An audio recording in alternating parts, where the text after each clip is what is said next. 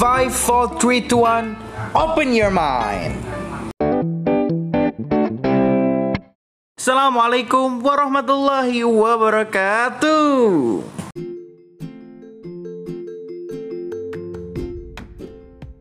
Halo pendengar setia Fosmi Islamic Podcast di mana pun kalian berada Buat teman-teman semua yang dengerin podcast ini sambil ngeteh di pagi hari Atau buat teman-teman yang lagi nunggu sholat duha Lagi setelah tilawah habis maghrib Atau mungkin teman-teman yang sedang nongki minum kopi santai-santai bersama teman-teman di cafe Buat kalian semua pendengar setiap Fosme Islamic Podcast Maupun yang baru aja dengerin Fosme Islamic Podcast Aku harapkan kalian selalu lancar aktivitasnya berkah kehidupannya dan selalu ada dalam perlindungan Allah Subhanahu wa taala tentunya.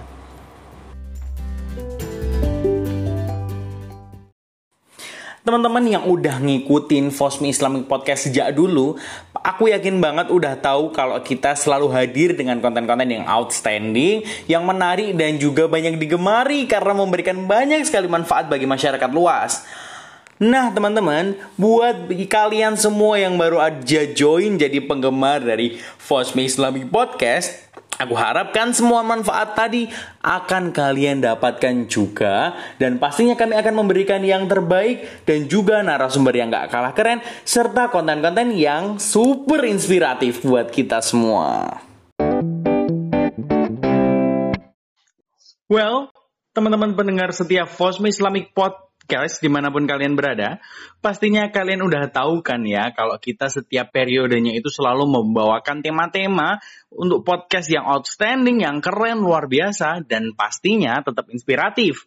Nah, pada segmen comeback kita di periode kali ini, kita akan membawakan sebuah tema yang aku aja sebagai penyiar itu terkagum-kagum banget, saking kerennya tema podcast di segmen pertama kita kali ini. Nah, teman-teman semuanya, tema kita adalah UNS Where the Dakwah Begin. Gila, keren banget nggak tuh temanya? Tema-tema yang kayak gini nih sangat uh, pastinya bermanfaat ya bagi kita semua. Tapi teman-teman, teman-teman pasti sadar gak sih kalau kita itu uh, sulit banget untuk mendapatkan pembicara yang kredibel, pembicara yang sesuai untuk membahas tentang gimana sih stigma-stigma, paradigma juga medan dakwah di kampus kita tercinta Universitas 11 Maret. Nah, tapi kita nggak akan tinggal diam, kita akan berusaha semaksimal mungkin dan saat ini udah ada bersama kami orang yang paling paham tentang bagaimana paradigma dan juga medan dakwah di kampus kita tercinta sesuai namanya, sesuai tema pada tema podcast kita pada sesi kali ini yaitu UNS Where the Dakwah Begin, UNS tempat di mana dakwah bermula.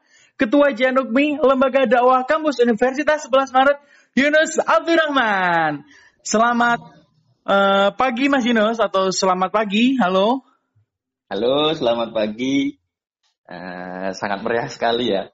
Setelah mendengarkan pembukaan nih saya jadi merasa sangat senang karena ternyata uh, tema yang dibawa kali ini cukup menarik, cukup menyenangkan untuk dibahas, apalagi uh, terkait dakwah di UNS seperti itu. Ini langsung gimana ini nanti, bos? Ya, uh, baik.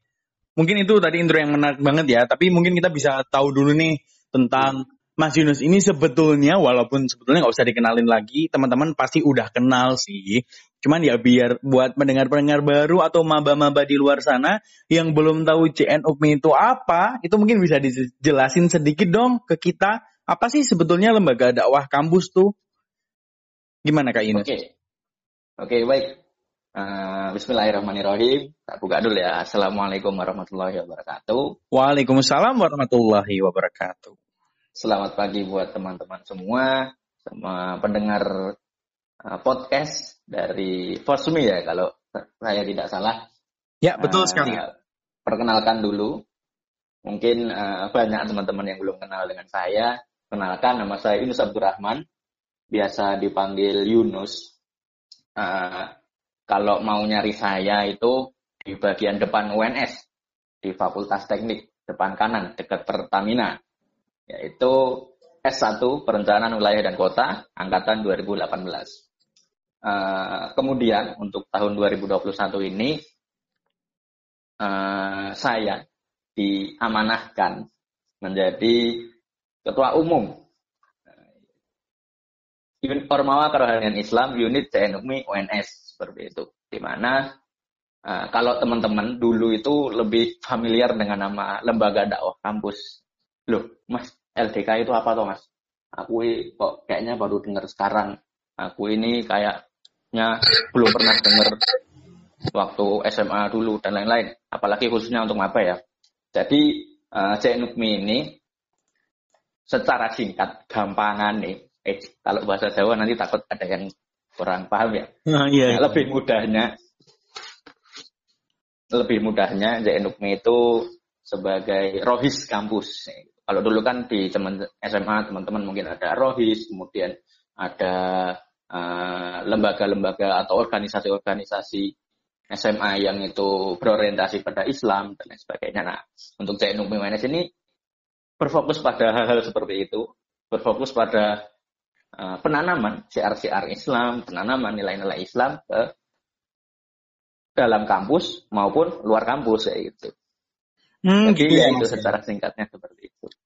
Oh, berarti memang uh, eh, Janum ini adalah lembaga atau organisasi yang benar-benar ngurusin tentang uh, keislaman yang ada di UNS gitu kan, kurang lebih?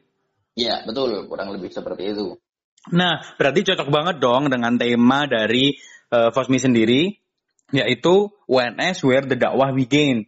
Harap pastinya banyak banget strategi-strategi dakwah atau solusi-solusi dakwah yang dibawa oleh Januk nih selama ini. Kalau uh, sebelum kita masuk lebih lanjut ya tentang gimana dakwah di kampus, mungkin ada nggak mas tanggapan tentang tema kita yang relate menurut JN Ukmi gitu, atau menurut Mas Yunus sendiri? Oke, okay. uh, eh, sebenarnya aku sangat tertarik, apalagi dengan judulnya.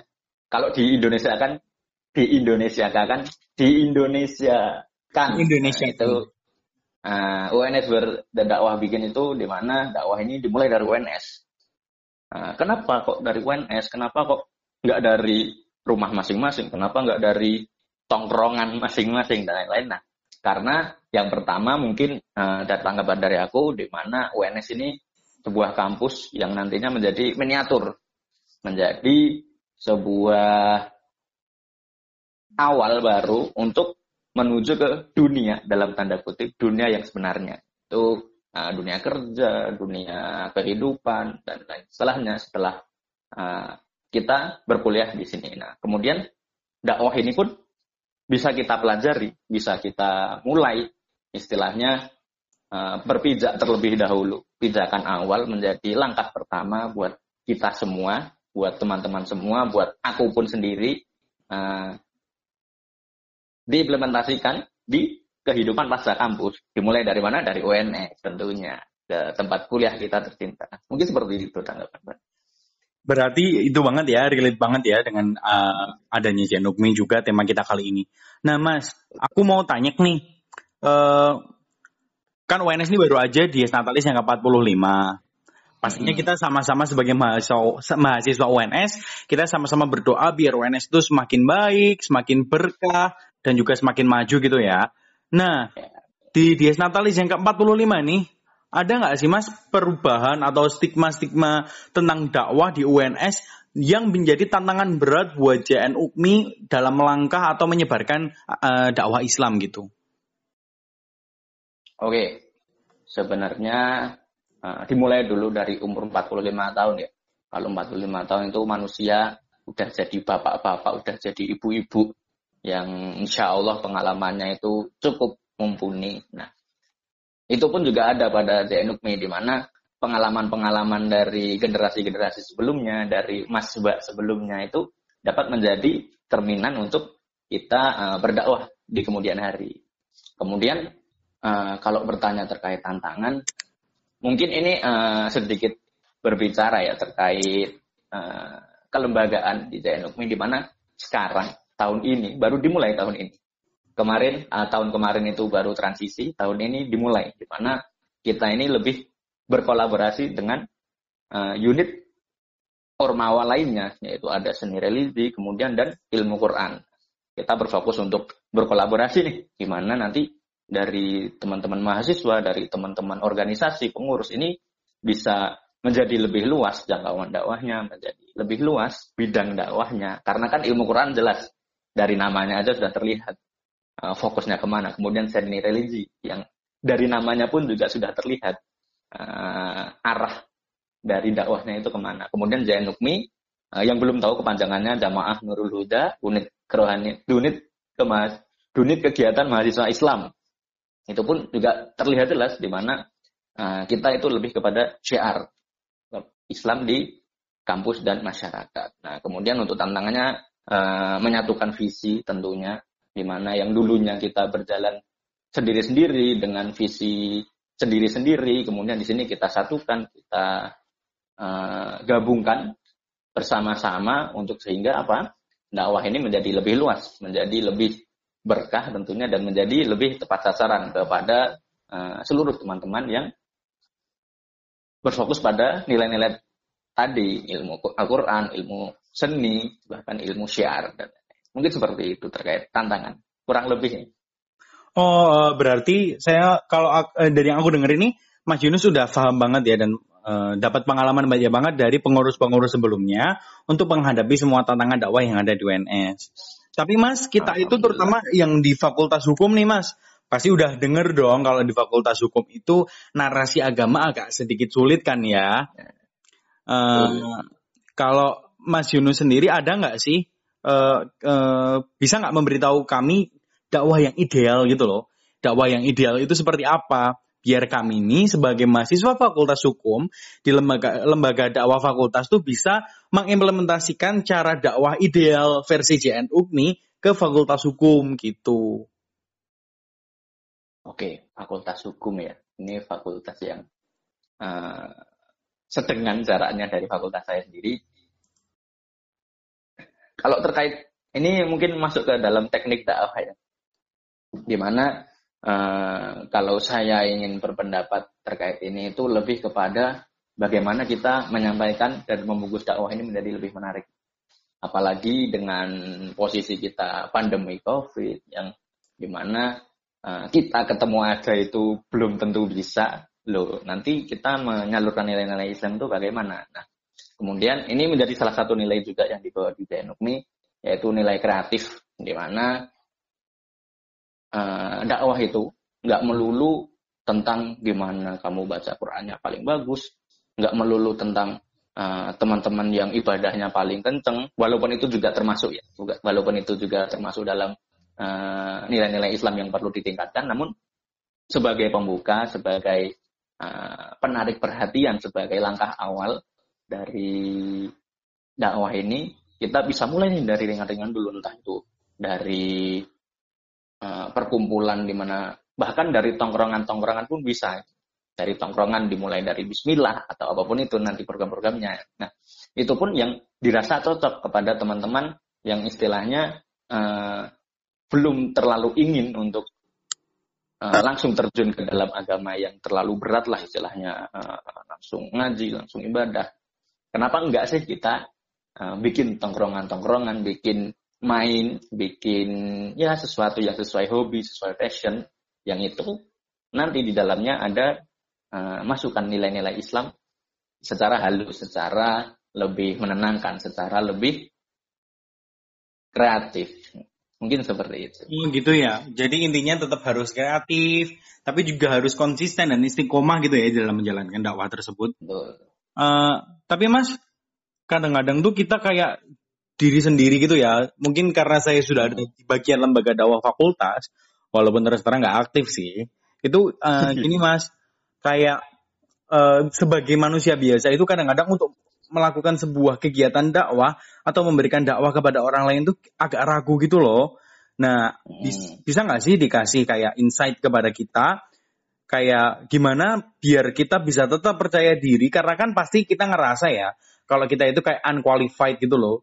Cuman hmm. lulusan SMA yang belum pernah belajar Al-Qur'an walaupun udah tahu hmm. ada anjuran dakwah tapi kayak agak ragu. Nah, ada nggak mas tanggapan atau solusi untuk masalah-masalah kayak gini? Kalau saya sih sebenarnya, kalau aku itu kok saya nanti formal banget. Kalau dari aku sih begini, dari teman-teman itu uh, kalau mau menunggu baik terlebih dahulu dalam tanda kutip uh, soleh dulu baru bisa dakwah itu selak telat selak umurnya habis. Emang parameter soleh itu apa sih? Emang parameter kita baik itu apa sih sehingga kita uh, harus soleh dulu baru bisa dakwah? Nah dari sini pun aku juga sempat sebenarnya merasakan seperti itu. Aku yang biasa-biasa saja aku yang dulu masih istilahnya anak bawang, masih anak yang terlalu cupu untuk istilahnya mengajak kepada teman-teman kepada kebaikan.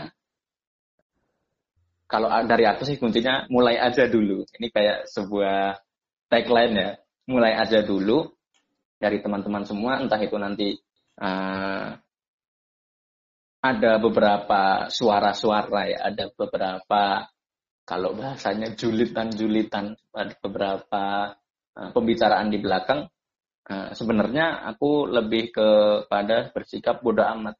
Karena uh, posisinya, kalau kita berbuat baik itu juga ada yang ngomongin di belakang, kalau kita berbuat biasa aja, ada yang ngomongin di belakang, kita berbuat buruk, juga ada yang ngomongin di belakang. Kenapa nggak kita yang berbuat baik, tapi ada yang ngomongin di belakang? Seperti itu. Jadi dari teman-teman sih, uh, mungkin terobos aja dulu gimana uh, teman-teman mulai mengajak. Nggak nggak muluk-muluk nggak harus ke uh, sebuah rapat tiba-tiba langsung diberhentikan untuk saat nggak muluk-muluk. Mungkin dari uh, teman kamar sebelah teman kos sebelah dari teman-teman kelas mungkin ketika kerja kelompok atau apa pun itu waktu masuk sholat waktu azan yuk kita sholat dulu yuk. Ya, secara halus-halus yang secara kecil-kecil tapi simple. Dan istiqomah ini nanti lama-kelamaan uh, insya Allah uh, dengan kehendak Allah dengan doa dan ikhtiar yang tentunya tetap berjalan semoga dapat melangkah ke hal-hal yang lebih besar. Kalau aku sih oh. terobos dulu mulai dari hal-hal kecil. Uh, jangan takut karena uh, apa pun yang teman-teman kerjakan itu mesti ada di belakang. Yang ngomongin apa kayak sok suci kayak itu mesti anu ya narasi paling paling, paling istilahnya dengar ya. paling umum ya. Apa sih sok suci? Kenapa enggak daripada sok bejat? Ini kalau kata teman gue ya, mending sok suci daripada sok bejat. Mungkin seperti itu sih. Nah, terobos aja dulu, jangan ragu dan uh, mulai dari hal-hal yang ringan. Oh gitu mas, iya. Uh, insight baru yang luar biasa banget sih. Setelah aku pikir-pikir sambil dengerin tadi tuh kayak oh emang harus gitu emang kalau kita nggak mulai sekarang kapan lagi gitu ya apalagi di awal-awal tadi dibilang setelah untuk waktu waktu nih bener banget nanti keburu hmm. gua baik gua meninggal duluan mungkin itu sih yeah. uh, bisa buat argumen pengimbang buat teman-teman yang malas berdakwah atau menyebarkan kegiatan dakwah gitu uh, mas mungkin kalau untuk masalah bagaimana dakwah strategi dakwah tadi udah dibahas ya tapi kan hmm. pasti nih uh, kita dalam berdakwah itu uh, butuh panutan gitu ya. Walaupun uswah hasanah juga tetap Rasulullah gitu. Tapi kan di masa-masa sekarang kita nggak ketemu nih sama Rasulullah. Hmm. walaupun aku yakin setelah podcast ini nanti ukti-ukti di luar sana menjadikan Mas Yunus panutan. Tapi kan kalau aku kalau aku pribadi masih nyari ustazah gitulah ya. Nah kalau Mas Yunus sendiri nih panutan dalam berdakwah selama ini itu siapa sih Mas kira-kira? Ah, kalau panutan sih sebenarnya ada banyak ya entah itu dari kakak tingkat yang satu tahun di atas saya, entah itu dari tokoh-tokoh agama di masyarakat, entah itu dari uh, keluarga saya sendiri. Nah, tapi kalau untuk dijadikan sebagai panutan, aku mungkin akan menyebut uh, abiku, abi ayahku, di mana uh, apa namanya, aku belajar banyak dari ayahku ini, yaitu terkait bagaimana sih uh, dakwah ini bisa berjalan lebih baik, bagaimana sih cara mengajak teman-teman dan lain sebagainya. Kemudian kalau dari teman-teman, dari circleku, dari ya orang-orang yang berada di sekelilingku, mungkin aku akan menyebut Mas Alif yaitu. Kalau yang belum tahu, Mas Alif itu ada di Sosiologi 2017, itu beliau uh, ketum sebelumku itu uh, banyak belajar dari beliau. Kemudian kalau dari tokoh nasional dari tokoh-tokoh istilahnya ustadz ataupun asarid-asarid yang ada di luar sana.